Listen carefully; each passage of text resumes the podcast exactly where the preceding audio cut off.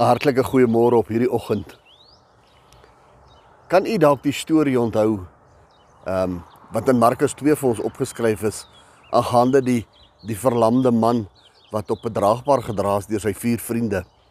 En hulle is op pad na Jesus toe en toe hulle by Jesus kom, toe was daar net ehm um, te veel mense om naby Jesus te kom en hulle besluit hulle gaan op die dak klim, die dak oopmaak en hierdie verlamde vriend van hulle laat sak dat hy voor Jesus se voete kan uitkom. Ek sit so en bepeins daardie stukkie en gesels so en en ondersoek die stukkie en en ek besef dat hierdie is vriende wat desperaat was vir God. Nie net was hierdie de, vriende desperaat vir God nie, maar dit was ook nie die die man self, die verlamde nie, maar iemand anderste was desperaat namens hom vir God.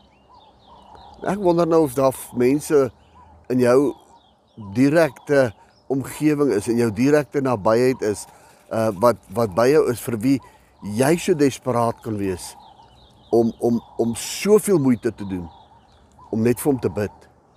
Hierdie mense doen hierdie ekstra moeite. Hulle dra hom na Jesus toe.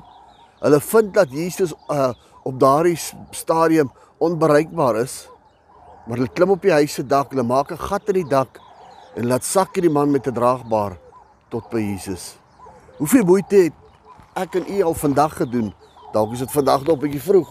Hoeveel moeite het ek en u die laaste paar dae gedoen vir 'n dierbare vriend, 'n kosbare persoon wat naby aan ons is? Het ons hom al met alles wat in ons is by Jesus se voete gekry?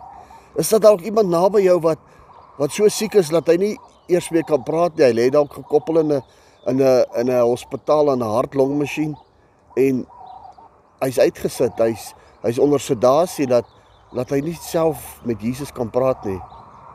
Is daar 'n persoon wat dalk nie van Jesus weet vanoggend nie wat naby aan jou is? Dan moet jy my sussie, hoeveel moeite het ek en jy al gedoen in hierdie laaste paar dae om daai kosbare vriend wat dalk finansiëel so in die moeilikheid is, laat hy nêrens heen kan kom nie, dat ek en jy besluit het ons gaan hom dra tot by Jesus.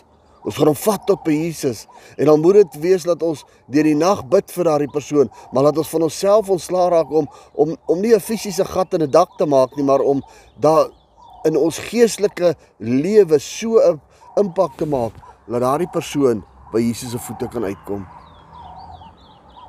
Ek vra jou vanoggend hierdie vraag. Doen ons nog hierdie dinge om mense by Jesus se voete te kry? Doen ons nog hierdie dinge in onsself om te sê ek sal 'n plan maak, maar by Jesus sal ek jou ook uitkry. My broer en my suster, ek wil jou uitdaag vandag om by iemand te identifiseer.